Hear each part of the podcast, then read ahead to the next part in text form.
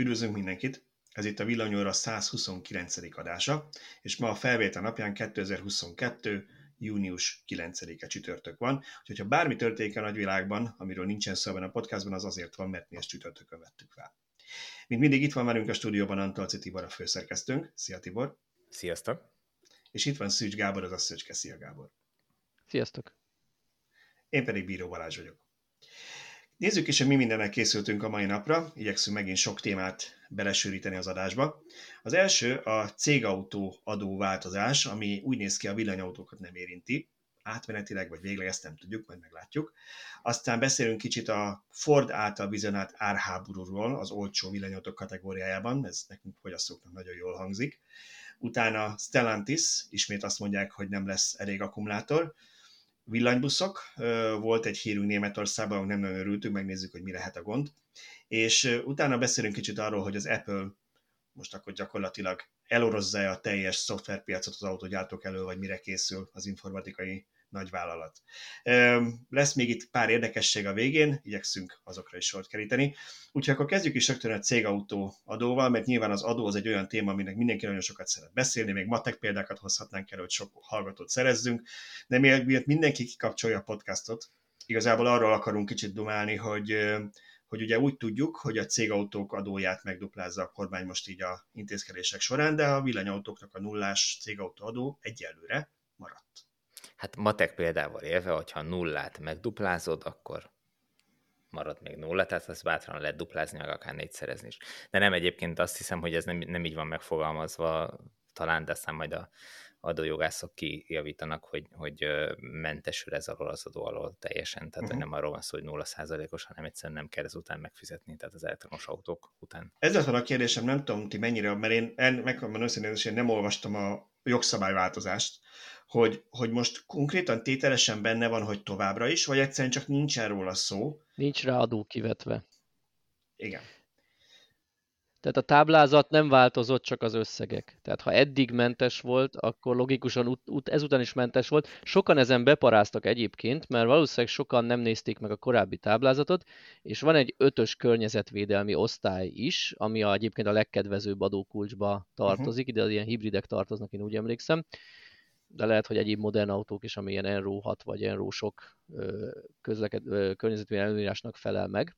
Na és ugye az elektromos autók az 5E, és sokan beka, beka, beparáztak, a Facebookon minden nap megjelent egy poszt erről, hogy most akkor villanyautóra is fizetni kell, mert az 5E az az 5 alatt van, és hát nem, ha megnézte bárki a jelenleg érvényes, tehát a korábbi díjtáblázatot, ott is szerepelt az ötös kategória, mert ez valahogy úgy van, hogy az 5E az nem egy alkategória az 5 alatt, legalábbis cégautóadó szempontjából, hanem egy teljesen független kategória. Tehát egy külön definiált valami. Itt az a kérdés csak, hogy nem szeretnék se ördögöt a falra festeni, se ötleteket adni. Szerintem nélkülem is elég kreatív. Az állam, minden állam mindig elég kreatív, amikor adókról van szó. De hogy legalább annyira, mint a, a állampolgárunk az adó elkerülésről van szó. De hogy, de hogy ez csak egy ilyen, hogy mondjam, elfelejtettek, elfelejtkeztek van egy ilyen, és, és majd amikor valaki rájön, akkor korrigálják, vagy pedig szerintetek egy tudatos döntés, hogy nem, ez fontos, ez maradjon, nem nagy tétel amúgy sem az államnak, egyelőre ez ne nyúljunk. Hát e, egyszer biztos kell majd fizetni. Így van, ezt, ezt akartam az előbb mondani, hogy ez csak átmeneti, vagy nem, ez biztos, hogy átmeneti, tehát hogy, hogy előbb-utóbb ez a kedvezmény, vagy ez a mentesség, ez meg fog szűnni, tehát ez nem föntartható hosszú távon. Nyilván minél előbb vesz valaki, vagy hát egy cég minél előbb vesz elektromos autót, annál tovább élvezheti ezt a mentességet, és hát nyilván a, ez azt a célt szolgálja összességében, hogy azt a felárat tudja a a használat során megspórolni a cég, amit a vásárláskor kifizetett a magasabb vételárban az elektromos autóért. Nyilván ez az elgondolás mögötte, hogy most ez meddig fog így maradni, meddig fog, az, meddig fog az állam tudni lemondani erről a pénzről, az egy jó kérdés, de én úgy gondolom, hogy amíg a teljes autóállományon belül néhány százalék az elektromos autóknak az aránya, addig ez azért kevéssé fáj. Ugye szeretnénk Norvégia problémáit Hm.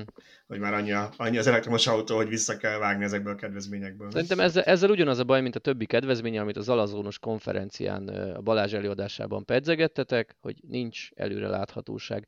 A dízeleseknek sincs, mert itt nem az volt, hogy előre meghatározták, hogy majd, ahogy haladunk az egyre tisztább üzem felé, növeljük a szennyező járművek adóját. Ez ilyen egyik napról a másikra bejelentés volt, hogy jövő hónap 1 emeljük a díjakat, és valószínűleg, ha egyszer kifizet, kivezetik a, a zöldrendszámos autók adómentességét, félek az is így fog történni, hogy holnap utántól fizetni kell pont. Ez nagyon jó lenne, ha ez előre tervezhető lenne. Nyilván nem kell most konkrét évszámot, mert senki se tudja, mi lesz, hanem mondják azt, hogy ha elér a zöldrendszámos autók száma, nem tudom én, 1 milliót, vagy elér 15%-ot, vagy akármennyit a részesedése, ezt így jó volna előre definiálni. Még azon is lehet esetleg később módosítani, de ne úgy, hogy holnaptól, hanem ha mondjuk azt mondjuk, hogy 15%-nál jártunk, 20-ra hirdettük meg, de annyira jó fejek vagyunk, hogy kitoljuk 30-ra. Az is egy vállalható dolog. A fő gond az az, hogy nincs kiszámíthatóság. Igen, valahogy Norvégiában is ez volt, már nem emlékszem pontos részletekre, de, de ott is előre meghatároztak egy, egy az talán egy arányt, egy autó arányt a, a teljes állományon belül, vagy az eladásokban, vagy nem is tudom, hogy, hogy hogy volt meghatározva, amit utána fölülvizsgáltak, és ha jól emlékszem, akkor módosítottak rajta valamit, és nem vezették ki akkor, amikor eredetileg tervezték, mert hogy jól működött az ösztönző rendszer, úgy gondolták, hogy nem szakítják meg azt a, azt a folyamatot. Ezt nyilván Magyarországon is meg lehetne csinálni, tehát most azt mondani mondjuk, hogy mit tudom, ha, ha az autóállományon belül 30%-ot elér a tisztán elektromos aránya, és mondjuk a 95% a, az értékesítésen belül a tisztán elektromos aránya, akkor megszüntetik. De hogyha mondjuk, mit tudom én, a kettő közül csak egyiket vagy másikat sikerül elérni, és, és nem úgy mennek a folyamatok, ahogy ezt tervezték, akkor ezt még nyilván három év múlva fölül lehet vizsgálni. Hát igen, itt megint az, a, az az egyik probléma, hogy nagyon tetszik az elméletetek, meg, meg teljesen jó irányból közelítitek meg, csak megint naivak vagytok, mert ugye itt nem arról van szó, hogy ez egy környezetvédelmi döntés, hogy azzal még inkább a helyes irányba tereljük mondjuk a, a vállalkozásokat, ahol amúgy is nem azt mondom, hogy nem számít az autó bekerülés össze, hogy nyilván számít, de minek után ők ugye ebben tipikusan ebben a TCO-ba gondolkodnak, tehát a teljes megtérülésben, eh, vagy a teljes költségben az időtartam alatt, ezért, ezért nyilván előbb be tudják vállalni, vagy hamarabb egy, egy állampolgár, hogy drágább autót vesznek, amit utána olcsóbb üzemeltetni. Na szóval a lényeg az, hogy, hogy nem arról van szó, hogy ezt akarták volna most még úgy, hogy jó, akkor a, a környezetszennyezőket kicsit megemeljük, és akkor ez egy, ez egy adó emelés általánosan, egy olyan kategóriát kerestek, ugye, mert kell bevétel az államnak, amit viszonylag könnyű megfogni, nehéz alól kibújni, mert hát az autókra rendszám van, tehát ezt a se tudja eldugni, hogy ez egy autó, mert ott van, le van jelentve, most az, hogy céges persze át lehet tenni magánszemélyre, azok megint. Szóval a lényeg az, hogy ez egy Jó, ezzel, ezzel egy kis cég lehet, hogy fog trükközni a, az egyszemélyes Igen. Zsiga és Pista Kft. ő lehet, hogy át fogja írni magánszemélyre az, az autót, amit esetleg eddig is magáncélra használt, csak céges volt, de ez nem, nem ez adja a tömeget, hanem a nagy adják a tömeget, Persze. ott meg nem fogják átírni az alkalmazott nevére az autót.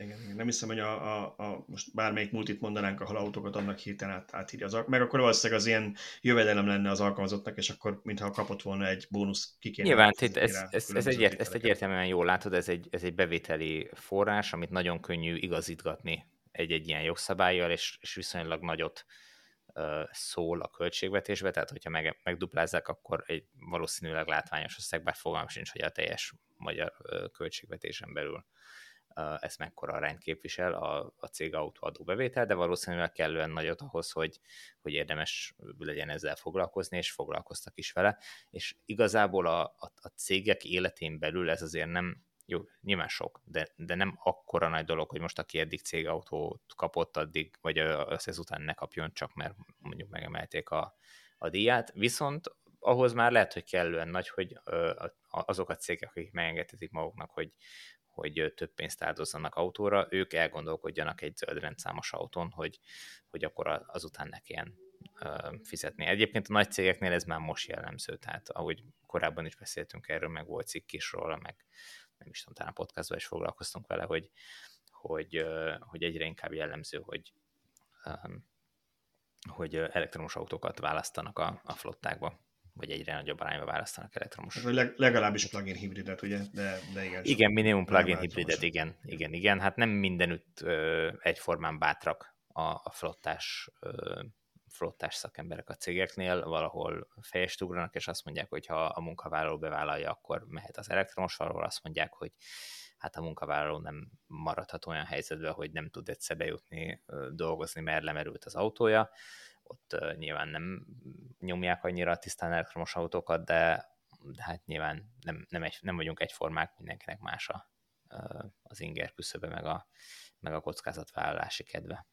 Hát igen, és hogy arról múltkor beszéltünk, igazából, ha, ha visszatérünk még a bekerülési költségre, ugye a plug-in hibrid és a teljesen elektromos között nagyon vékony már a, a határ az árban. Tehát még azt megértem, hogyha mondjuk egy, és most nyilván nem a multi, a multinál tök más pénzekkel játszanak, meg mondjuk, ha egy olyan cég van, ami, ami, ami nagy szervezetnek itt kiszolgál, vagy szolgáltató központja, az megint más, mert nem arról van szó, hogy itt az itteni eladásokból, vagy az itteni bevételből kell a cégnek kitermelnie magát, meg a költségeket, hanem ott megvan egy globális keret, hogy mennyit számítanak, számolnak mondjuk egy főre a supportra, tök mindegy, de egy kisebb cégnél nyilván ezek már komoly tételek lehetnek, és mondjuk azt mondják, hogy hát plug-in hibrid vagy elektromos az nekünk még nem fér bele még cégautóban sem, de egy sima hibrid már igen, és akkor valamit spórolunk vele a benzinen. Mondjuk a sima hibrid az meg ugye nem zöld rendszámos, tehát arra, arra gondolom ugyanúgy van cégautóadó. Igen, igen, igen. Jó, ha ezt kiveséztük, és senkiben nem marad semmi adó adójogszabályi vélemény vagy elmélet, amihez megint csak nem értünk, de szeretünk róla beszélni, akkor térjünk át a következőre. Árháború, csak hogy izgalmas címet válaszunk. Ugye múlt héten már az adásban volt egy picit érintőlegesen szó a Ford vezetőjének, Jim Farley-nak az egyik nyilatkozatára, hogy mostanában tett. Ott igazából azt ragadtuk meg, mert az azt kapcsolódott a múlt heti témához, hogy mennyibe is kerül nekik a fedélzeti töltő gyártása, vagy a fedezeti töltő mekkora költséget képvisel mondjuk egy Ford Mustang Mach-nak az árában. De mondatott egy érdekesebb dolgot is, az pedig arról szólt, hogy ő azt látja, hogy, vagy azt prognosztizálja, hogy a 25 ezer dollár, és ugye amerikai ára, tehát nettó 25 ezer dollár, tehát a nettó 9 millió forint körüli árkategóriában, ő nagyon komoly versenyt, szó szerint azt mondta, hogy árháborút vár a gyártók között, és mindenkinek majd nagyon iparkodnia, hogy annyira leszorítsa a költségeket, hogy versenyképes állatot tudjon adni ebben az árkategóriában. Fordítsuk egy kicsit le magyarra ezeket, melyik modelleket számíthatjuk ebbe bele, hogy Magyarországon ez a amerikai nettó 9 millió, ez most minek ez a 20 milliós autónak felel meg, vagy segítsünk valamit ebben? nem, én azt gondolnám, hogy ha az európai Ford kínálatot nézzük, akkor ez az autó még nem létezik.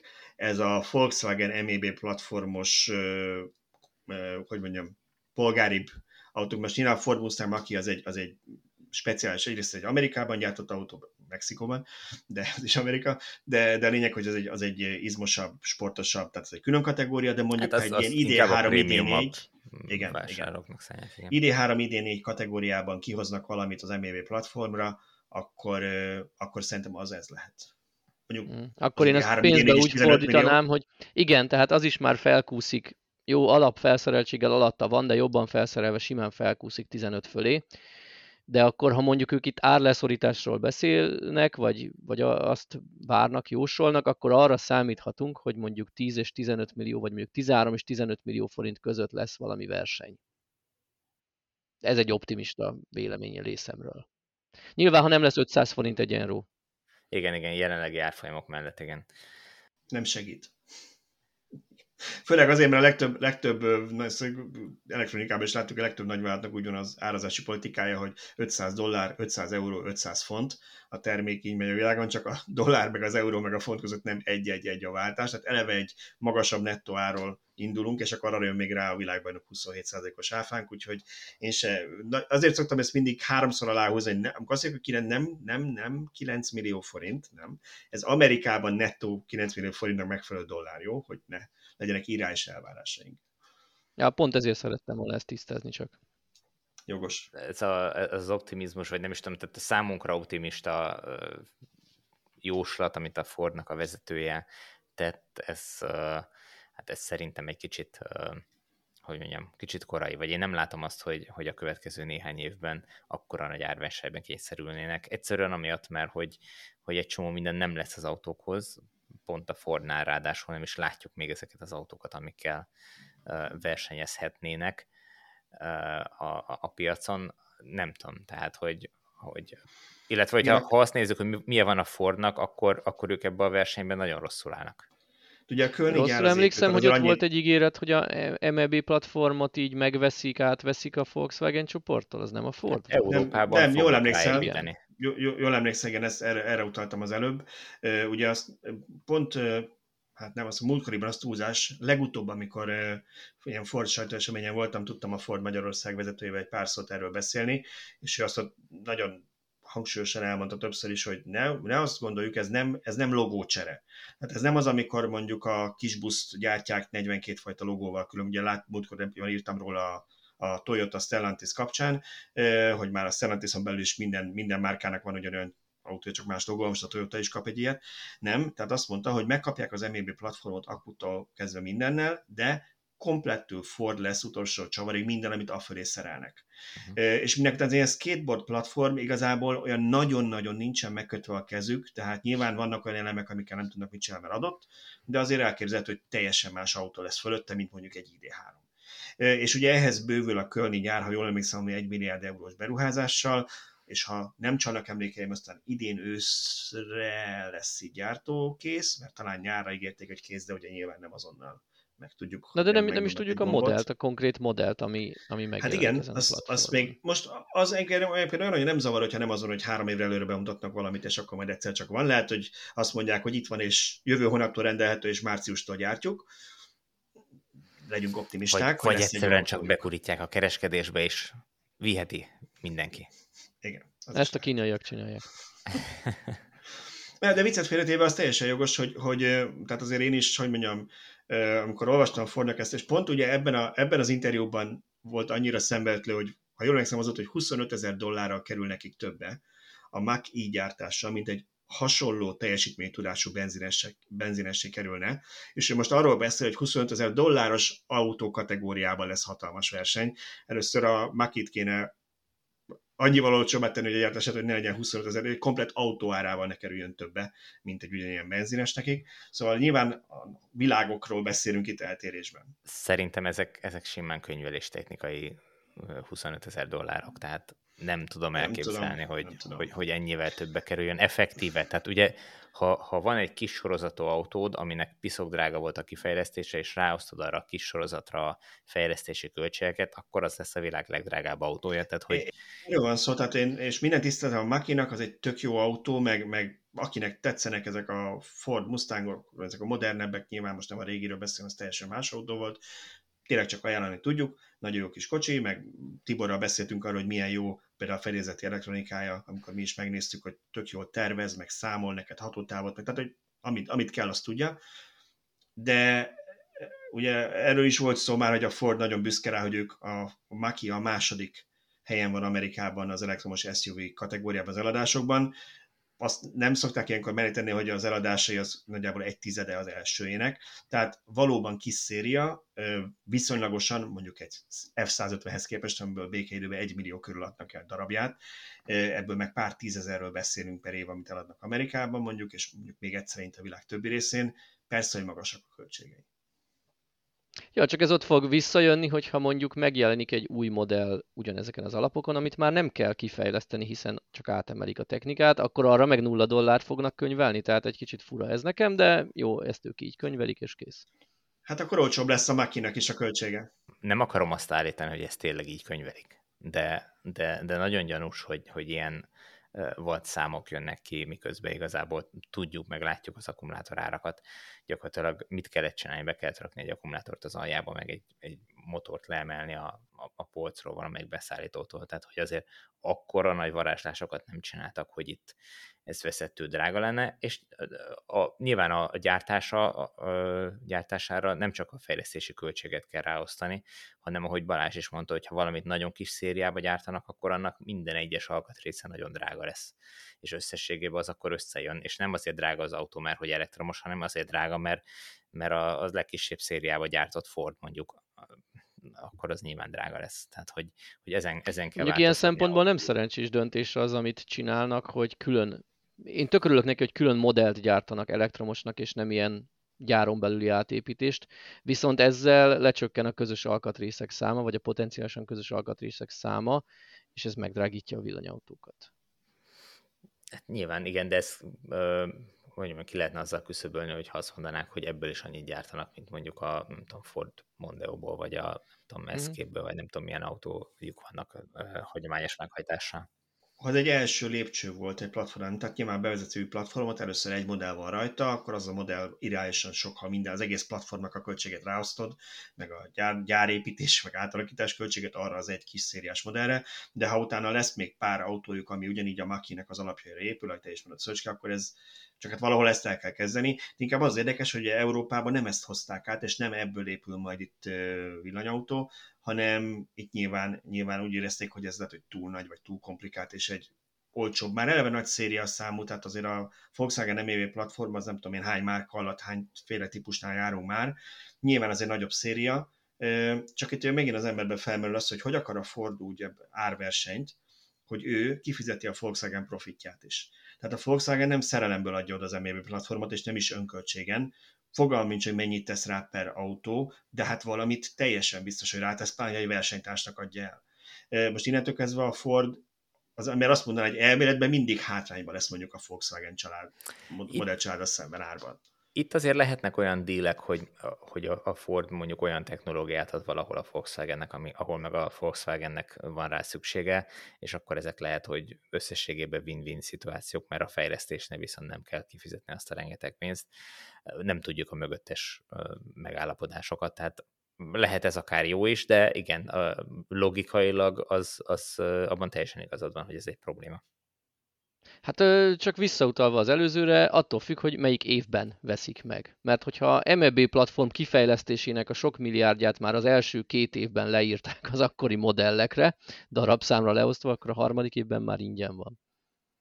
Na jó, de ha a Ford ügyes, akkor, akkor fogja, veszi meg. Fogja ingyen Nyilván adni. nem fogja ingyen adni, de, de valószínűleg azért változnak az árak ennek tekintetében, tehát hogyha mondjuk az ID3-mal egy időben szeretett volna a Ford ezeken az alapokon modellt kihozni, az lényegesen többe került volna neki, mint ha mondjuk akkor szeretné kihozni, amikor a Volkswagen már, ha nem is kifuttatni kezd, ide már a Trinity tartja mondjuk a újdonságnak, és az MEB platform pedig csak úgy oké van ilyenünk is olcsó autóknak. Tehát azért nem mindegy, hogy mikor lép be meg az is lehet, hogy, hogy mondjuk ha, ha Ford, teszem a 100 darabot szeretne gyártani egy ilyen kategóriás autóból Európában, akkor arra a 100, tehát annak a 100 ezernek a legyártási költsége egységáron mondjuk lehet, hogy 20%-kal többe kerülne egy-egy egység a kis darabszám miatt, viszont az, hogy az MLV platformból 500 ezer helyett 600 ezeret gyártanak le, és arra ráteszik még azt a 20%-ot, akkor lehet, hogy a Ford ugyanott van, mint hogyha saját maga gyártotta volna, és még a, a Volkswagen is keres, vagy tud keresni rajta. És, és nem, nem kellett kifejleszteni, és készen megvan, és már igazából ez addigra kb. a második generációs MEB, mert nyilván a Volkswagen is fejleszget meg faraglat. Hát és az, hogy utána ő, ő nincs, nincs olyan kényszerben a Ford, hogy fejlesztett egy saját valamit, legyártott százer autót, de hát akkor ebből kell még valamit főzni, mert erre már ráköltöttünk egy csomó pénzt, hanem amikor a Volkswagen kifejleszti a következő platformját, akkor azt, azt is meg tudják majd. Tehát, hogy biztos van ebbe logika, meg hát, hogyha azt nézzük, akkor a Stellantis Toyota partnerség is valami nagyon hasonló, sőt, még az tovább megy, megy gyakorlatilag ott egy egybe a, a Stellantis gyártja a toyota az autókat, hát csak, igen, ott, csak ott logózzák, és mégis logó, megéri van. valahol. Igen, igen.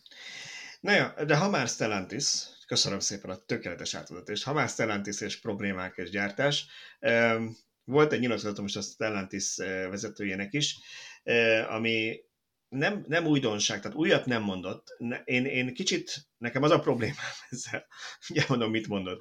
Csak az a probléma kicsit, mint amit a BMW-nél szoktam mondani, hogy kicsit ilyen skizofrén, hogy egyszer ezt mondja az egyik vezető, talán meg tök mást, ugye ott az elektromos kontra hidrogén és hasonló kapcsán szoktuk ezt hallani.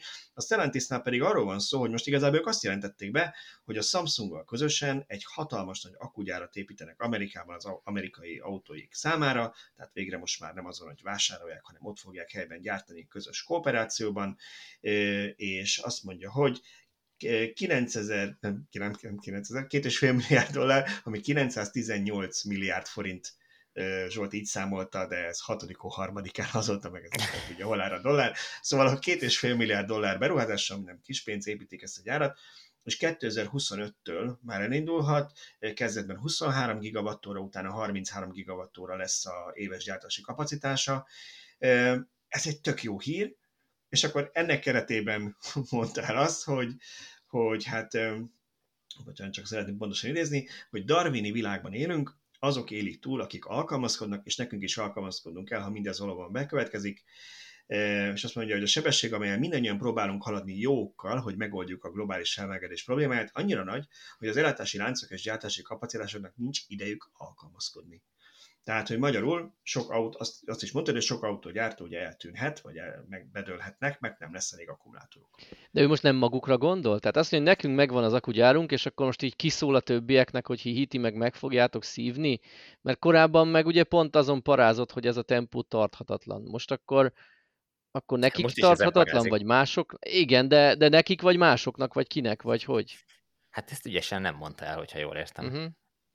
Igen, szóval és akkor nagyon pimaszul most hagy mondjam csak azt, hogy ugye tetszettek volna elővakugyárat építeni. Tehát Nissan Leaf, Tibor, mióta van? 2010-11? Mikor hát 10-be kezdték. Vagy akkor Aztán 2012, uh-huh. igen, 11-be 2000, gyártani. 2012-ben jelent meg a Tesla Model S, 2016-ban jelentették be a Model 3-at, és akkor már a Gigafactory, a Nevadai ugye már szerintem talán üzemelt is, vagy már építés alatt volt, vagy valami. Szóval, hogy ugye itt arról szól a történet, hogy ennek a gyártónak, vagy nagyon sok gyártónak a vezetősége nem ismerte fel időben, hogy merre és milyen sebességgel fog haladni a világ, ami teljesen oké, okay, mert hát nyilván mi utólag mindenki okos, de előre ezeket nagyon nehéz meg, megbecsülni, de hát nagyon sok cég vesztett Elő, ezen rajta. Nem fogjuk előre csak mi láttuk. Csak, csak egyelőre csak mi láttuk, persze ezért... ezért Elon Musk és a villanyautósok.hu szerkesztősége. Igen. Meg még talán Carlos csak... van, de őt kigolyózták. Musk is csak azért tudja, mert olvas minket. De a viccet félretéve, szóval igazából itt arról szól a történet, hogy van pár gyártó, aki nagyon sokáig rossz lóra tett, lóra tett és nem kezdett el időben mondjuk saját akugyárat építeni. De most akkor én még mindig azt kezdem, hogy a Stellantis magát melyik kategóriába sorolja? Tehát ők jól állnak, és csak a többieket félti értük aggódik, vagy ők amúgy be vannak rottyintva, és, és úgy gondolják, hogy, hogy oké, okay, mi legalább építünk, nem tudom én, az EU-ban 48 gigawattórányit, az USA-ban meg valami 30 valamit, mennyit is említettél az előbb, de hogy ez még amúgy tök kevés lesz? Szerintem ez, ez attól függ, hogy éppen kinek tartja az előadást. Tehát, hogyha ha, ha a befektetőiknek, tulajdonosaiknak, akkor fú, mi vagyunk a legjobbak, és nem lesz itt semmi gond, nézzétek meg, mennyi gyárat építünk, és el fogunk tudni mindent látni akkumulátorral.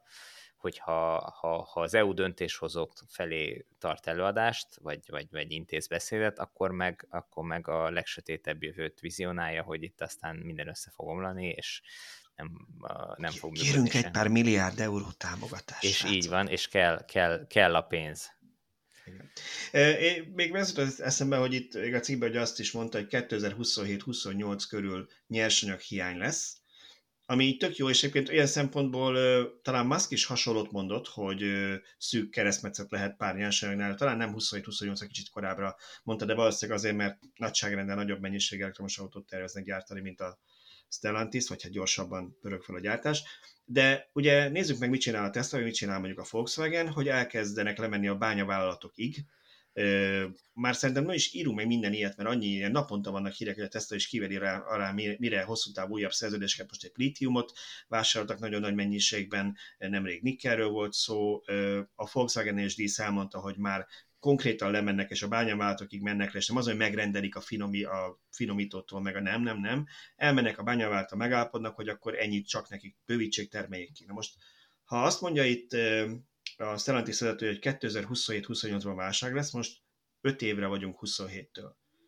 Akkor hogy van az, hogy ő most nem a bányavállalatoknál kirincsel, hogy gyerekek, akkor ki szeretne nekünk eladni akkor ennyit és ennyit, és gyanítom, hogy csinálják, mert csinálják, csinálják. persze, egyértelmű. De akkor mit kell károlni 27-28 Most vagy az van, hogy előrelátóak vagyunk, mert ugye nem arról van szó az akuk alapanyagainál, hogy a földben nincsen annyi, azt tudjuk, hogy van, csak nagyon sok ilyen alapanyagból nem termelnek ki eleget, mert nem volt ennyi igény rá korábban, mert nem voltak elektromos autók, amely a telefonok meg a laptopok aksiába kellett, arra volt a kapacitás belőle. Igen, tipikus a kobalt ilyen egyébként, tehát hogy nem azért uh, nincs kobalt bányászat, mert hogy sehol máshol a világon nincs kobalt, csak Kongóban, hanem azért, mert máshol eddig nem foglalkoztak vele azt a mennyiséget, amire szüksége volt a világnak, azt Kongóba ki tudták bányászni, senki. Tehát nem volt annyira fontos elem, hogy, hogy most ez problémát okozon az ellátási láncban. Most az, most meg kell nyitni néhány kobaltbányát, majd Észak-Amerikában, meg Ázsiában, meg Ausztráliában, meg mit tudom én, ahol kobalt van,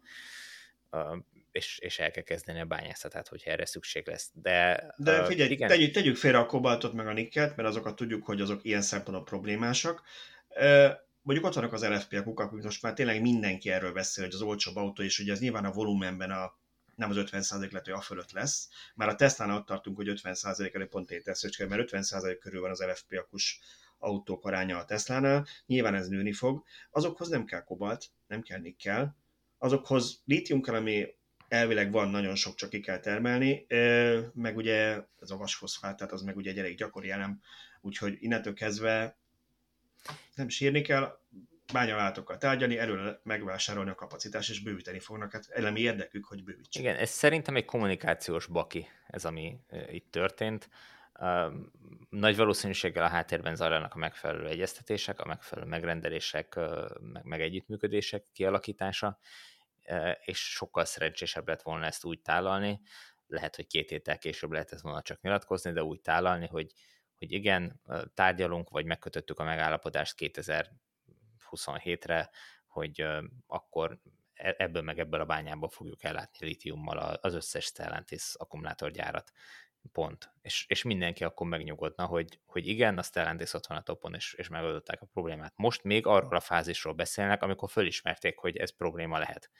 De szerintem ezt kár, vagy kár, erre így ráerősíteni. Mert csak gyakorlatilag a saját befektetőiket bizonytalanítják el, hogy jó cégbe is fektettek ebbe.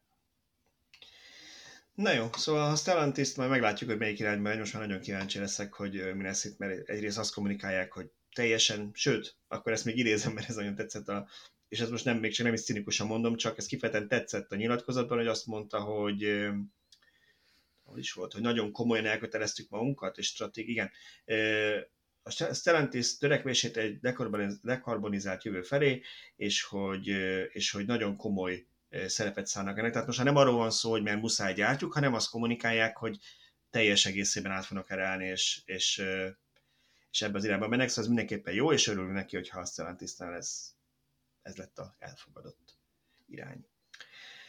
Stellantis után beszéljünk a, beszéljünk a villanybuszokról és akkor próbáljuk most magunkat kicsit kordában tartani ezzel a témával, mert mi imádjuk az ilyen buszos, teherautós egyéb témákat, mert szerint mindig elmondjuk azt, hogy mindannyiunknak az a véleményét a szerkesztőségben nagyon fontos szerepe van, és méltatlanul kevés szó esik róla. Viszont egy nagyon rossz hírt kellett megosztanunk, ugye Németországban, Wiesbadenben, ami Frankfurt mellett egy ilyen két-háromszázeres település, és a Frankfurt mellett úgy tetszek érteni, hogy egyik utca Frankfurt, másik Wiesbaden. Volt egy nagyon nagy szabású projekt, 2018-ban jelentették be, hogy a város teljes buszfottáját, és itt nem ilyen 10-20 buszról beszélünk, hanem 220-ról, 220 buszt gyakorlatilag négy éven belül teljesen zéró kibocsátásra cserélnek, ennek a túlnyomó többsége elektromos lett volna, mert egy akkumulátoros, és némi hidrogénes mutatóban a hosszabb útvonalokra, amit az akkumulátoros nem tud teljesíteni szerintük. Ez volt a politikai bejelentés, ebbe az irányba a közlekedési társaság, meghirdették, Mercedes akkor ő leszállítja a buszokat, és az eddigi legnagyobb megrendelésük. A német kormány, mert szövetségi projekt volt, a német kormány kiemelte, hogy ez mekkora lépés, és adott hozzá mi 45 eurót, hogy milyen példával jár Wiesbaden. Ehhez képest most úgy néz ki, hogy picikét bedőlt ez a projekt. Hát volt néhány hiba nyilván itt a, a tervezésben. Valószínűleg nem, nem tehát hosszú tervezés után nem pont azokat a buszokat sikerült megrendelni, amikre szükség lett volna, nem pont úgy sikerült kiépíteni a töltőhálózatot, ahogy szükség lett volna rá, de ezek, ezek szerintem tanulófázisok. Most emiatt föladni egy ilyen projektet, hát hogy mondjam, elég furcsa. Szóval szerintem kettő fél is hibázott itt. Egyrészt a Városközlekedési Társasága hibázott abban, hogy hogy nem tudták időre felkészíteni a töltési infrastruktúrát, a parkolókat, pedig ha valakinek nekik aztán ismerniük kell a német bürokráciát, hogy ez nem megy egyik pillanatra a másikra. Illetve arról viszont nem tehetett a közlekedési társaság, hogy a Mercedesnek a szilárdtestakus ecitárokba a Blue Solutions, vagy Bollari, vagy Kisők, akik szállítják a, az akukat, hogy ezzel ugye kiderült egy probléma, hogy hajlamosak ezek az akuk kigyulladni, és és hát nyilván addig, amíg a akkubeszállító nem orvosolja ezt a problémát, a Merci nem tud kellő darabszámban buszokat szállítani. Most itt a közlekedési cég nem teheti azt meg, hogy hopp, akkor egy másik cégtől rendelek buszokat, hisz senki nem fog neki rövid időn belül leszállítani 200 darab buszt, mert hát senkinek nincs ilyen gyártási kapacitása. Ami nekem kicsit fura, hogy itt az lett a megoldás, hogy akkor most veszünk vadi új dízeleket, ugye azt hiszem dízelbuszokat, és, és 12 évig azok fognak futni, aztán majd meglátjuk. Ez, ez sok, ez a 12. Le fogják azokat 5 évesen passzolni Magyarországra, és megveszik a... Akkor, akkor meg, meg fogják venni az akkora már tökéletesített elektronos buszokat. Itt egy érdekes kérdés merül fel, ugye minden közlekedési társaságban nyilván ez egy, ez egy cél lehet az, hogy, hogy valamennyire homogén legyen a jármű állomány, hiszen azokat úgy egyszerű karbantartani, egyszerű a, a töltés kialakítani, tehát nincs, nincs variálás. Viszont ilyen kockázatokat is hordoz, hogyha kiderül, hogy, hogy bevásároltak mit tudom, 100 darab buszt, amelyeknek mindnek ugyanaz a konstrukciós hibája van, akkor mind a 100 busz kiesik a, a forgalomból, és hát az, az nyilván nagyon fájhat mind a, a, a, az üzemeltetőnek, mind pedig azoknak a döntéshozóknak, akik azt a döntést meghozták, hiszen akár tehetnek róla, akár nem rajtuk fogják elvenni a port ebből a szempontból szerencsésebb lenne, hogyha ha ráadásul az ilyen kezdeti projekteknél, vagy, vagy új projekteknél többféle buszt is beterveznének, és gyakorlatilag a nagyobb mennyiséget már az előzetes tapasztalatok, és most az előzetes tapasztalat alapján, vagy alatt nem azt értem, hogy egy-egy buszt három napra kiküldenek a városba, hanem, hanem mit tudom, üzemeltetnek tíz különbözőféle buszt egy ilyen vízbádén méretű városban egy éven keresztül, és akkor nyilván utána már lehet látni azt, hogy, hogy melyikkel uh-huh. mennyi probléma volt, melyikből érdemes rendelni, és melyiket érdemes inkább hanyagolni, mert csak a probléma van vele. Hát itt ebben Igazából... annyi volt a, a vegyes, hogy ugyanezeket a szitárókat szállítják NCM akuval is, meg a szilártesttel is, és talán vegyes felállásban rendelte ez a város is. Ja. Kevesebb volt a, az, az NMC a vagy NCM, már nem tudom, hogy, hogy mely, melyik sorrendben lévő kémiát választották. De a lényeg, a lényeg csak az, hogy nekem egyébként és tudom, hogy én írtam a cikket, hogy most vicces, hogy én teszek fel kérdéseket, hogy nem adott választ a cikk, de igyekeztem elég sok forrásból dolgozni, és utána nézni, és ezekre hogy nem volt sehol válasz, tehát ha csak nem azzal, hogy interjút készítek a Wiesbadeni Közlekedési Társaság műszaki szakemberével, akik tudnak erre válaszolni, ha hajlandóak, akkor nem tudjuk meg. Szóval nekem több problémám van a sztoriból. Az egyik a töltés kapcsán. Így szépen elsiklottunk fölötte, én is csak egyszerűen megírtam, amit találtam a információt, hogy hát nem fér el ennyi töltő ez tehát effektíve az első probléma az nem az, hogy nincs teljesítmény, arról majd mindjárt beszélünk, nem fér el ennyi töltő. Most ezzel nekem az a gondom, hogy mennyi, mennyi hely kell annak a töltőnek. Tehát nem arról van ez szó, hogy megint amúgy németesen túlspilázták, és nem tudom, 300-as DC töltőt akarnak tenni minden busz mellé, mert az kell.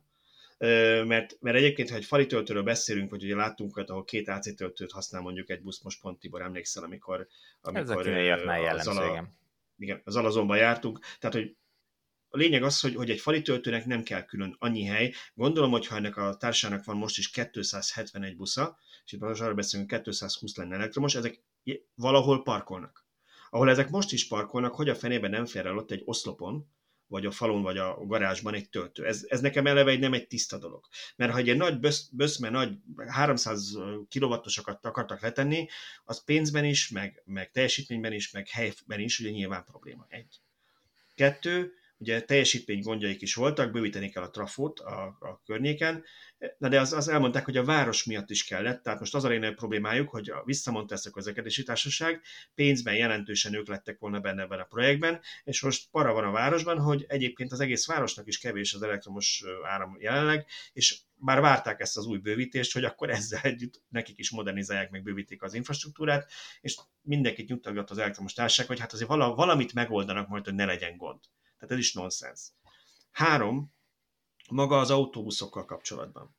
Tehát megint azt tudom mondani, hogy tipikus németesen túl lett pörögve, mert mi volt? Majd amikor, majd amikor a németek úgy döntenek, hogy ők majd akkor majd mindenki rette vele, akkor majd mi lett? Ott a Mercedes, és erre voltak képesek. Ha nézzek, Moszkvában ezer darab elektromos busz van. Ezer.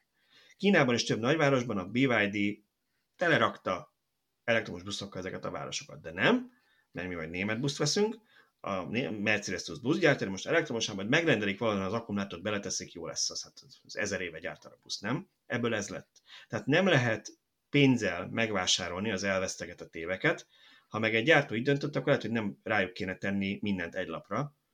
Hát, hát most ez, ez szerintem teljesen érthető a, a német városvezetésnek a döntése, hogy, hogy német céget hozott helyzetbe.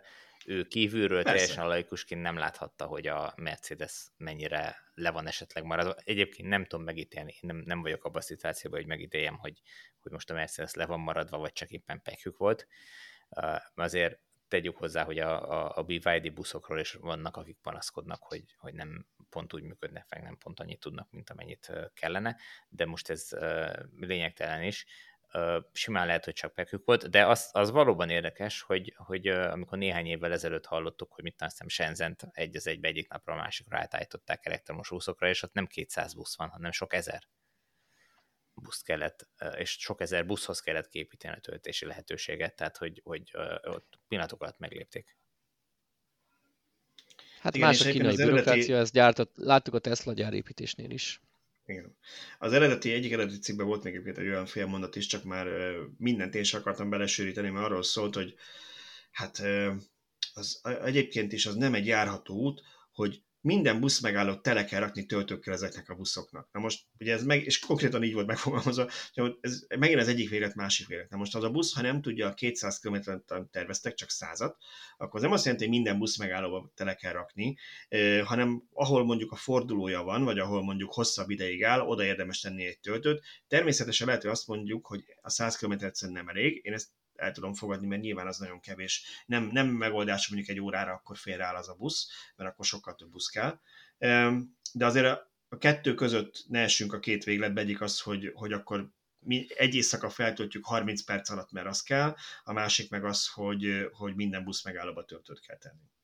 Pontosan ezt valahogy észszel kellene megosztani. Most van egy személyes példám, mert Miskolcon épp jelenleg, még azt hiszem itt van a héten vendégeskedik egy BID busz, amit tesztelnek, mert hogy majd nem pont ilyenek, ez egy idősebb modell, de ehhez hasonlóak érkeznek Miskolcra 10 darab idén nyár végén ősszel, és hát nyilván felszálltam a első napi tesztkörre, mert nagyon kíváncsi voltam a buszra, hogy hogy viselkedik, meg ott elbeszélgettem a sofőrökkel is, akik éppen csodálták a buszt, ki se szálltak belőle, még a pihenőideiket is ott tölték, töltötték, többen is nézegették, beszélgettek róla.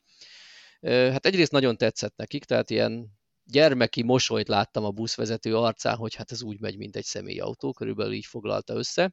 De igazából, ha az üzemeltetésre térünk vissza, ez ebbe akkora akku van, hogy ilyen hár, bő 300 kilométeres hatótávot ígérnek, én amelyik nap felszálltam az utolsó menetére a busznak, aznap így, ahogy végignéztem a menetrendjét, mert az közé volt téve, hogy melyik útvonalat teszi meg, és nyilván megnéztem Google Maps-en, hogy ez hány kilométer, 270 kilométeren volt túl a busz, és 51 százalék volt még az akuban, amit ugyan nem kérdeztem meg, de feltételezem, hogy teletöltve indult reggel a busz. Jó, oké, nyár volt, nem ment a klíma, valószínűleg nem merték még használni, vagy nem tudom, ami technikai gond, lehetett pokoli hőség volt a buszon, de akkor is a 270 kilométeres menetet letudta a fél akuból, tehát azért volt még benne tartalék. De Ebből simán mehetett volna a klíma, igen. Simán mehetett volna a klíma. Viszont jó, jelenleg tesztbusz ott töltik, ahol tudják, oké. Okay. Viszont a későbbi modell is, amennyire így lehet látni publikus dokumentumokból, az lesz, hogy a cég telephelyén lesz ahány busz annyi töltő, szerintem ilyen 150 kW-os töltőkre gondolnak, legalábbis most az első 10 darabnál biztos, hogy ez a terv, és a buszokat éjszaka feltöltik egyszerre, majd ezeknek a buszoknak le kell tudni a napi menetet, ha az 300-300, ha olyan vonalra kerül, ahol több ott többet, és nem tudnak attól a gondolattól elszakadni, hogy telitankol válunk ki, és majd másnap reggelre megint telitankoljuk a buszt, mert ha dízelekkel is így szoktuk. Ugyanakkor ez a busz ö, úgy ment, hogy lement két vagy három kört, majd állt egy ilyen 30-40-60 percet az egyik forgalmas végállomáson Miskolcon mert a sofőrnek pihenőideje volt, vagy egyszerűen 10 óra volt, és a reggeli csúcsban sok járat kellett, kora délután sok járat kellett, de közben kevesebb. A lényeg az, hogy a 270 kilométeren összesen egy ilyen bő két órát állt a busz. Ide nem kell 350 kW, ha csak 50 vagy 75 kW-os töltőre ezekre a 40 perces, egy órás megállókra ráteszik, akkor gyakorlatilag annyit visszatölt a végállomásokon a busz, hogy hogy nem, nem, alig lenne szükség éjszakai töltésre. Nem kéne buszonként 150 vagy még nagyobb teljesítményű töltőket kiépíteni, ha csak mondjuk a buszban van egy 22 kW-os fedélzeti töltő, ha arra rá van dugva éjszaka, ami bele tud tölteni mondjuk 70%-ot egy éjszaka alatt, akkor utána a maradékot azt, azt töltött, megfelelő töltöttségen tartaná a végállomásokon a rövidebb rátöltés. És nem, nem arról van szó, hogy pantográf, 800 kW minden busz megálló, elrondítjuk, stb. Nem. A végállomásokon legyen két-három mondjuk 150-es ultratöltő, ami azért ma már nem egy csoda, hiszen normálisabb országokban egy-egy villanyautó töltőszigeten ennél, ennél többszörösét kiépítik. És akkor, amikor a buszvezető tudja, hogy most nem 5 perces pihenőidőm jön, hanem 40 perces, akkor az elején egy perc alatt bedugja, a végén pedig kihúzza, és a 40 perc alatt betöltötte a következő három fordulóra való energiát. Egyébként meg az éjszakára szerintem overkill a 150-es, tehát ugye én a Merci buszoknál néztem, hogy 300 kWh körül voltak a NCMS-ek, és 400 valamennyi volt a szilárdtestes, most a busz, ha éjszaka, nem tudom én, este tízkor, vagy legyen éjfélkor, már Miskolcon nem hiszem, hogy éjfélig járnak a buszok, nem tudom, de mert mondjuk Budapesten vannak éjszakai járatok is, de a lényeg az, hogy mondjuk éjféltől reggel hatig tölt a busz, teljesen felesleges 150-es töltőt képíteni hozzá, mert ugye túl sok kapacitást töltünk le a szolgáltatónál, drágák a töltők is, és akkor jön a jajveszékelés, hogy milyen drága ez a villanybuszos dolog, mert hát rá kell költeni még 300 millió forintot az infrastruktúrára. Én abban reménykedek, hogy ez majd a, a kezdeti saját buszos tapasztalatok után kialakul. Tehát most a Miskolcnak azt hiszem ilyen 130-140 ilyesmi darabból áll a plusz flottája, ebből most 10 darab tisztán elektromos fog érkezni idén év végétől, és kerül is a cég telephelyére 10 darab 150 kW-os töltő. Erre most ugye támogatás van, a Zöld Busz programban veszik be. Azt mondom, hogy ez így jó. Ha erre rájönnek, hogy máshol is érdemes lenne ezeket tölteni, és később vesznek további buszokat, akkor tök jó, hogy ott lesz 10 darab 150-es töltő azokra az esetekre, amikor gyorsan kell tölteni, és remélhetőleg most már később az lesz, hogyha megveszik a 20.-30. elektromos buszt, akkor nem fognak buszlétszámnak megfelelő 150-es töltőt a telephelyen a garázsnál kiépíteni, hanem ott-ott lesz az a 10 darab 150-es, és rájönnek, hogy szórjunk a forgalmasabb végállomásokra szintén néhány darabot, illetve tegyünk fel egyszerű AC töltőket, hiszen kétlem, hogy 20 kW-nál, 22 kW-nál kisebb fedélzeti töltő lenne bármelyik buszban. Egyébként itt óriási felelősségét látom az, az autóbusz gyártóknak, hogy ezekről miközben ők nagy valószínűséggel, vagy az ő szakembereik nagy valószínűséggel tisztában vannak azzal, hogy hogyan kellene ezeket a buszokat tölteni ahhoz, hogy jó használhatók legyenek, és relatíve kis akúval is tudják teljesíteni ezeket a távokat.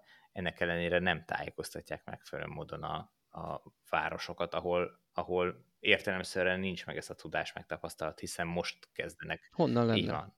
Tehát én, én nem hibáztatom a városokat, nincs honnan tudják, hogy, hogy hogyan kell ezeket üzemeltetni. Ők nyilván azt ahhoz vannak hozzászokva, hogy nem lehet bárhol egy buszt meg tankolni, hiszen nincs, tehát az, az őrült költséges dolog lenne a busz megállókban, meg értelmetlen is benzinkutat kiépíteni, viszont egy elektromos csatlakozást egyrészt az többnyire ott van, hiszen a városban szinte mindenütt elérhető az elektromos hálózat, másrészt meg, meg relatíve olcsón kiépíthető, és nem kell óriási tartályokat, meg tűzveszélyes dolgokat ott kialakítani, tehát könnyedén kialakítható a, a töltési lehetőség, akár minden busz megállóba is, pantográfokkal, és szerintem ez bármennyire is furcsa, de előbb-utóbb ez el fog terjedni, mert ez, ezzel, hogyha mondjuk minden busz megállóba föltesznek egy olyan töltő kart, vagy nem is tudom micsoda, hát ami, ami a busz fölött áll, és pantográffal, amíg lefelszállnak az emberek, nagy teljesítményen tud tölteni a, a, a busz, akkor gyakorlatilag minimális méretű akkumulátorral is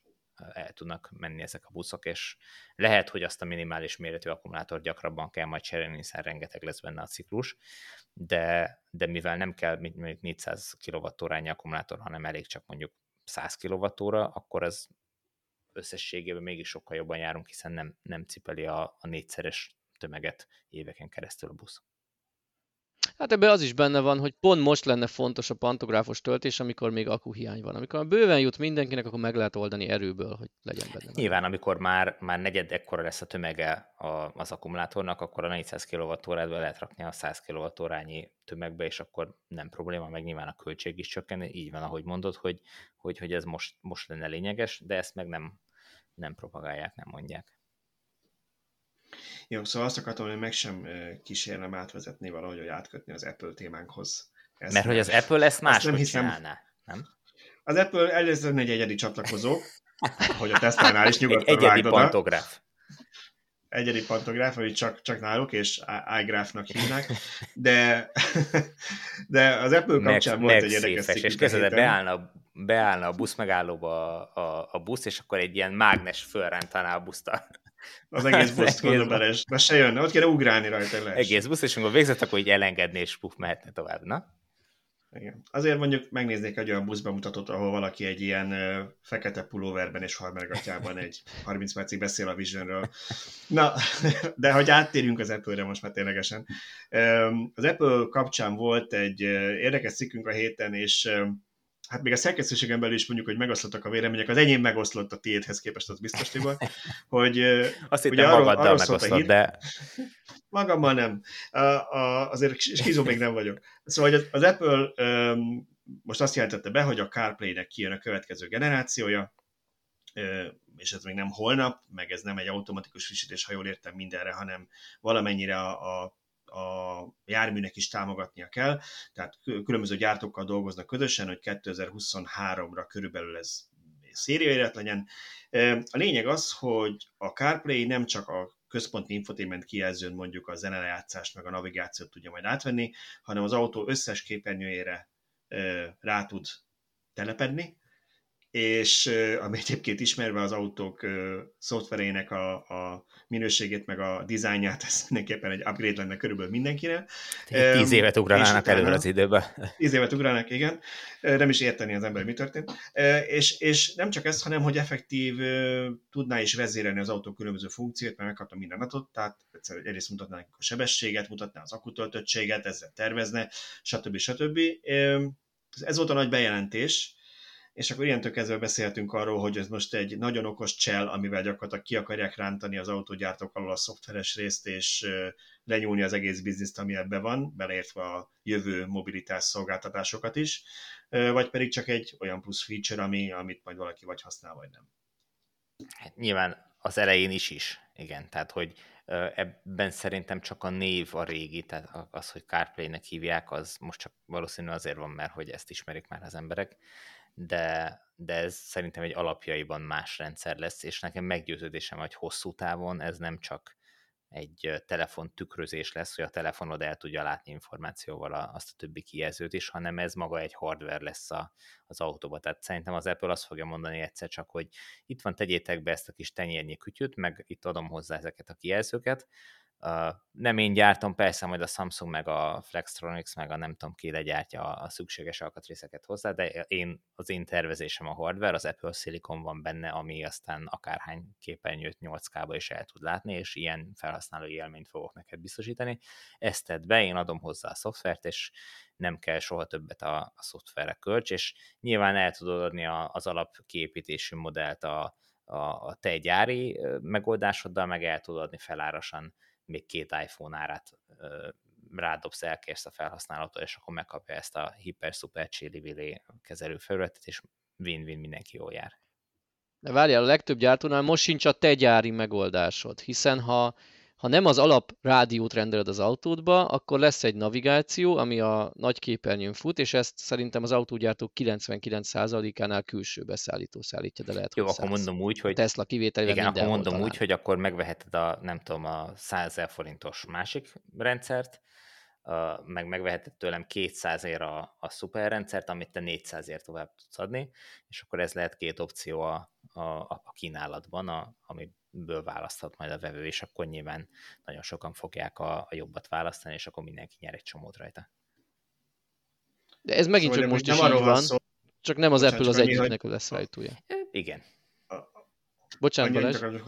Nem csak, hogy, hogy nem arra, elnézést, hogyha valaki azt mondja, hogy miért vagyunk ennyit egymás van egy kis késleltetése, még Szöcskét látjuk most legalábbis nálam, nálam valami miatt egy picit később érkezik a hang meg a kép tőle, gondolom nála is ez van. De a lényeg az, hogy, hogy akkor itt nagyon fontos megegyezni Tibor ezek szerint, hogy itt nem arról van szó, hogy rádugom az iPhone-omat a kocsira, és a központi kijelző helyett most az egész autóföld átveszi az irányítást, és minden az iPhone-ról fut, um, hanem ezek szerint az Apple-nek hardware is ezt kell nem, Ezt nem részletezték, ez csak az én vízióm egyelőre hogy ez így lesz megoldva. Most... Az első körben ez az van, hogy az iOS 16-nak része lesz ez az új szoftver, és ezt én úgy emlékszem, hogy volt ilyen az előadásban, hogy a telefonod vagy a mobil eszközöd hardverét fogja használni, az autó képernyőire úgy, hogy megkapja az autótól a legfontosabb adatokat, és esetleg hozzáférést az autó bizonyos nyilván nem biztonságkritikus rendszereihez.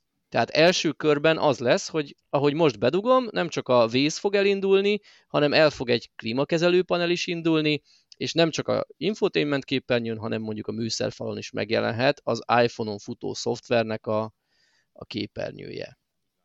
A Tibor már ezt tovább gondolta, ahogy mondjuk például van az Android autó, hogy ugye a Polestarnak, Volvo-nak, talán lehet, hogy másnak is az Android automotívot szállítják, ami egy Android alapú, de az autóban lévő hardveren futó rendszer, és, és ez az, amit Tibor itt tovább gondolt, nem lehetetlen, hogy lesz ilyen, de szerintem ez nem hangzott el a Ez nem, a, tehát ez, ez, ez mondom, ez az én, én vízióm, az én feltételezésem, hogy ide fog kifutni ez az egész, vagy ide kell, hogy kifusson, ekkor, ekkor fogja igazán az Apple-nek megér, megérni, és ekkor fog tudni igazán jó rendszert készíteni rá, hiszen az, hogy mennyire működik jól a kezelőfelület az autón, az nem csak attól függ, hogy ő milyen telefon gyárt, hogyha a CarPlay-et kitűrözi, hanem a CarPlay fogadó oldala, tehát a, a, az autóba szerelt rendszer az mennyire jó, mennyire responsív. Hát például én, én ki vagyok akadva attól, hogy a Leaf-be egyszerűen ez a két ujjas nagyítás, kicsinyítés, ez nem működik a, a központi kijelzőn, mert mit tudom én, vala, most vagy az Apple nem engedi, vagy a maga az a hardware nem teszi lehetővé, mert lehet, hogy nincs több érintés érzékelés benne, tehát hogy ez, ez iszonyatos korlát, ezért gondolom én azt, hogy a, az Apple ki fogja ezt futtatni egy saját hardware amit ő saját maga tervez, a saját uh, chipjével uh, működik, és rengeteg olyan uh, lehetőséget fog tudni biztosítani az autóban, ami eddig elképzelhetetlen volt. Például, például Face ID most más nem mondják. Tehát, hogy az, hogy a telefont föl tudom oldani, és Face ID-val gyakorlatilag minden működik, és a banki rendszerek ezt használják, és, és gyakorlatilag tényleg minden azon múlik, hogy engem hogy és miként ismer föl. Ez könnyen lehet, hogy az autó oldalába épített, vagy az autóba épített kamerák már megismernek engem messzire, amikor közeledek a kocsihoz, nem kell nálam legyen semmi. És csak ahogy beülök, akkor... Hát mondjuk azt, hogy mennyi, ez mennyi plusz hozna az képest, hogy a mobiltelefonom a, a zsebemben van, és ezt automatikusan érzékeli az autó, mert ugye a mobiltelefon azért mindig nálunk van. Persze lehet, hogy kiugrom hát... a kocsi, vagy valamire ki kocsiba, és akkor pont a lakásban, tehát hogy vannak ilyen szenáriók, de alapesetben azért nyilván ott van az embernél.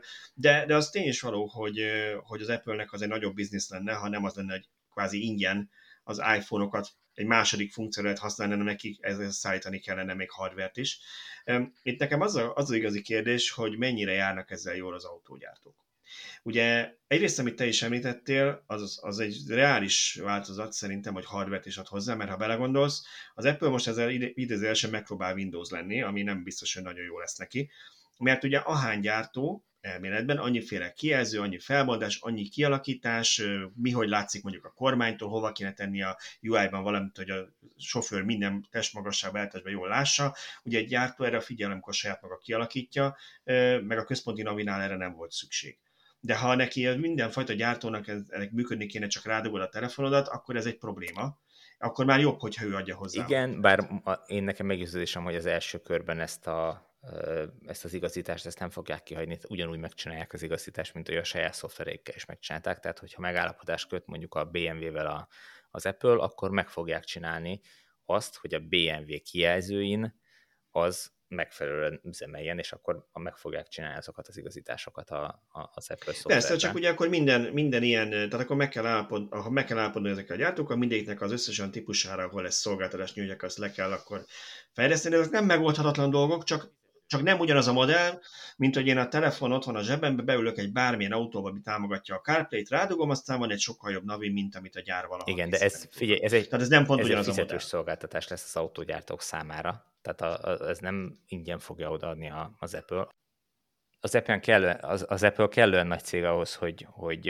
rákényszeríthesse az autógyártókat, hisz, vagy illetve hát kellően vonzó ahhoz, hogy a, az ő felhasználói akarják azt, hogy ezek az autógyártók beengedjék a, az Apple rendszerét a, az autójukba, tehát az, az autógyártók kénytelenek lesznek fizetni azért a szolgáltatásért, hogy az adott típushoz szabja az Apple a, a szoftvert meg a kezelőfelületet, úgyhogy szerintem ez, ez nagy biznisz lesz, és nagyon jól fog működni. Igen, igazából csak annyi volt az, az előző gondolat, ennek a, annyi lett volna a vége, hogy, hogy nem adják el egy tál lencsére a jövőjüket, idézőjelesen, tehát hogy azzal, hogy ők beengedik a farkast, mert ugye a volkswagen látjuk, hogy mennyi pénzt költenek rá tökéletesebb sikerrel, de pont azért akarnak saját rendszert, hogy ők fölözzék le a teljes hasznot abból, amit majd ezek a önvezető autókon árult kapcsolat szolgáltatások fognak jelenteni. És ha megnézitek az elmúlt pár hónapban, amikor írtunk különböző autógyártóknak a nagy vezetőjének a nagy bejelentéseiről, meg a negyedéves jelentéséről, mindegyiknek már komoly pénzösszegek, dollár milliárdok vannak tervezve 25-től 30-tól arra, hogy mennyi lesz majd a szoftveres bevételük. Na most ha az Apple szállítja a szoftvert, akkor nyilván valamit kapok belőle, de az lesz, mint a Apple-nek a, a mi az, nem Play Store, az a Google-ön van. App Store. A, hogy hívják, iTunes? App Store, App Store. köszönöm. Szóval mint az App Store-ban, hát hogy a fejlesztőnek 30%-át le kell adnia mondjuk a profit. Igen, nem tudjuk a, a business Igen, de azért ez egy elég távoli jövő. Igen. 23 végére ígérik az ezzel kompatibilis modellek bejelentését, ami persze lehet az, hogy kompatibilissá teszem a jelenleg árult automat, és a jövő héten hazaviheted, meg az is, hogy 23-ban bejelentik, hogy majd 26-tól gyártok egy modellt, ami fogja ezt. Hmm, szerintem nagyjából 23 végén már azért látni fogunk kézzel fogható modelleket, amiben ez működni fog nekem az a gyanom. Azért a szoftver, a szoftveripar ennél gyorsabb. Na jó, meglátjuk, erre biztosan még jó párszor vissza fogunk térni, és reméljük, hogy lesznek majd ilyen különböző tesztek, amiket már előtte azért nem kell 23 végéig már láthatunk, és nézzük ez hogy működik a valóságban, a rendereken kívül. Lenne még két rövid hírünk így a végére, mindenképpen meg akartunk osztani veletek most. Az egyik az az, hogy Tibornak volt egy kis titkos projektje, amiről meg én is csak azt hiszem múlt héten értesültem, hogy próbálunk segíteni a külföldről Magyarországra látogató villanyautósoknak abban, hogy eligazodjanak a magyar töltő Kánaánban, vagy töltő sivatagban, ezt mindenki döntse el, de mindenképpen a magyar töltési rendszerben, káoszban, a magyar töltési rendszerben. Ugyanúgy én is tudom, hogy amikor elmentem most Olaszországba, igaz, hogy nagyjából Tesla töltőket terveztem, de azért megnéztem, hogy mégis hol mi a lehetőség, és az embernek komolyan nyomoznia kell, mert nincs egy egységes rendszer. Ebben segítenénk a külföldieknek Magyarország, úgyhogy készül egy ilyen, ha jól tudom, angol nyelvű oldal, ezt összefoglalni. Hát, sőt, el is készült, és már, már el is érhető a menüben. Hát heti szinten kaptunk ilyen megkereséseket, hogy jövünk Magyarországra, és hogy akkor, akkor hogy tudunk tölteni, hova kell regisztrálni, milyen kártyát érdemes kiváltani, mennyi a töltés ára. Nem mintha ezek az információk nem lennének elérhetők többnyire plugshare de, de úgy tűnik, hogy, hogy nyilván kezdő villanyautósok ezt, ezt nem ismerik, vagy nem feltétlenül biztos, hogy, hogy használják, vagy, vagy tudják jól használni, viszont bennünket megtalálnak. Tehát villanyautózás Magyarország előbb-utóbb ránk találtak, és látták, hogy nyilván bőségesen van információ az oldalon, úgyhogy, úgyhogy elkezdtünk Szöcskével összeállítani egy ilyen oldalt, ahova összeszedtük a legnagyobb szolgáltatókat, összeszedtük azt, hogy mit érdemes a magyarországi elektromos autó használatról, töltésről tudni, összeszedtünk alapszabályokat is, amik ide vonatkoznak, tehát hogy az autópálya használat tért, hogy meg mennyit kell fizetni. Most nyilván nem az ára lényeg, mert talán árat bele se írtunk, de lényeg az, hogy milyen jellegű matricák vannak. Nem, nem írtunk, nem írtunk bele árat, csak belinkelünk egy kül, külső oldalt, amit, amit szintén elmondhatunk, hogy készült egy ilyen összefoglalunk az árakról Így is. van, illetve egy illetve a szabályokat írtuk le, meg hát etikettet beleraktuk, meg hogy hogy melyiket, tehát a plugshare is megemlítettük, hogy, hogy mit érdemes használni a töltőkereséshez. És uh, igazából ami itt lényeges, hogy ezt nem csak magyarul készítettük el, hanem angolul, illetve ennek, ezeknek az old, vagy ennek az oldalnak készült fordítása németre, szlovákra, románra, és hát arra biztatnánk mindenkit, hogy ha, ha van kellően nyelvtudás itt a környező országok egyéb nyelveire, amik nincsenek lefedve most, akkor, akkor megköszönnénk a segítséget. Gépi fordítással készültek eredendően a, a szövegek, de, de mindegyiket átnézte olyan valaki, aki vagy anyanyelvű, vagy beszéli az adott nyelvet, és bízunk benne, hogy azért nagy bakik már nincsenek benne valami hasonlót lenne célszerű csinálni a, a többi nyelvre is, és akkor lenne egy egész jó gyűjteményünk abból mindenféle átutazónak vagy utazónak, hogy hogyan tud Magyarországon boldogulni. Jó, hát a nagyon fontos, hogy ezt tervezzük lesz frissíteni. Bocsánat, a linkje természetesen ennek az, ennek az oldalnak meg lesz a leírásában ennek a podcastnak, tehát ha bárki ezt szeretné megnézni, lefolytani, vagy csak ismerőssel megosztani, akkor nyugodtan, sőt, erre kérünk mindenkit. Ha fordítani szeretne, akkor mindenképpen vegye föl velünk a kapcsolatot, és akkor együtt megcsináljuk. Tehát, hogy mert ilyen tehát nem, nem... Már csak azért is, hogy ne készüljön több verzió Igen, egy hogy, nyelvre. Hogy nem biztos, hogy célszerű ezt, ezt kalózkodni, így van. Persze. De és ha már kalózkodás, ha valaki megosztja bármelyik országban helyi villanyautós lappal, közösséggel, stb. Nem a mi forgalmú miatt, hanem egyszerűen azért javasoljuk, hogy, hogy egy ajánlóval a mi oldalunkat linkelje be, mert mi ezt igyekszünk folyamatosan napra készen tartani. Ha most bárki ezt egyszerűen lemásolja, nyilván megteheti, de ha egy fél év múlva vagy jövőre jön egy villanyautós az adott országból, ő csak szitkozódni fog, hogy nem így működött, mint ahogy írtátok. Mi viszont nyilván figyelni fogunk erre, hogy mindegyik nyelven folyamatosan aktualizáljuk. Hát bízunk benne, hogy hatalmas változások nem lesznek, hogy havonta alapvetően hozzá kell nyúlni. Nyilván közben abban is bízunk, hogy megjelennek újabb szolgáltatók, akiket bele kell venni.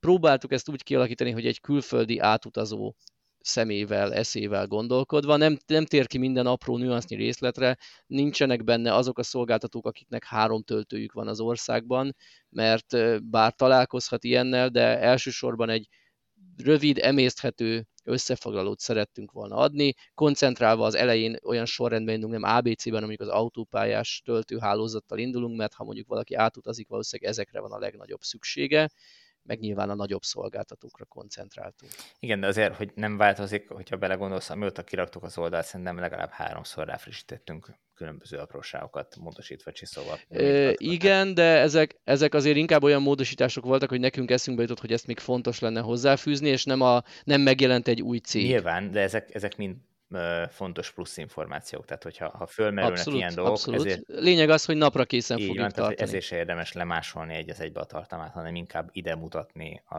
a linkekkel, mert hogy itt mindig a legbővebb, legfrissebb információ lesz, nem pedig egy, egy régi hiányos elavult, tehát hogy ezt erre biztatnánk mindenkit. A, az, az osztrák autó, villanyautóklub már linkelte, Romániából linkeltek, Szlovákiából linkeltek bennünket, különböző fórumok szanaszét Európából megvannak, és a, ami különösen büszke vagyok, hogy a, a Jiva keretein, tehát a Global EV Alliance keretein belül elindult, most úgy néz ki egy mozgalom, hogy valószínűleg mások is el fognak kezdeni hasonló ilyen útmutatókat készíteni, úgyhogy ha ezek összejönnek, és tényleg megcsinálják, akkor mi is tudunk linkelni más országok hoz ilyen útmutatókat, tehát hogyha valaki Szlovákiába akar menni, akkor lesz majd remélhetőleg szlovák vagy osztrák az osztrákokhoz készülőknek uh, ilyen útmutató, hogy uh, ott hogy tudnak tölteni, mit érdemes, tehát milyen praktikák vannak, miket érdemes betartani, odafigyelni.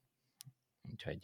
Ami, ami nincs benne, azok a konkrét árak, viszont erre készült egy másik összefoglalónk, egy cikk is, illetve egy letölthető PDF, amit direkt ilyen nyomtató barátra igyekeztünk megcsinálni, hogy kicsi, tömör, csak a lényeg rajta, a magyarországi szolgáltatók, árazás, töltési módja, tehát tényleg ilyen nagyon frappáns, és azon látjuk, hogy állandóan frissítgetni kell, mert amióta kiraktuk, azóta is már nem is tudom, vagy a hatodik verzióját éli. Ezt is javasoljuk mindenkinek, különösen kezdővényautósoknak praktikus, mert bár környezetbarát oldal vagyunk, és nem támogatjuk a nyomtatást, mégis azért jól jöhet, hogyha egy ilyen féloldalas kis kártya ott van az autóban, és ha idegen helyre tévedsz, akkor, akkor ilyen kisokos útmutatóként elő lehet kapni.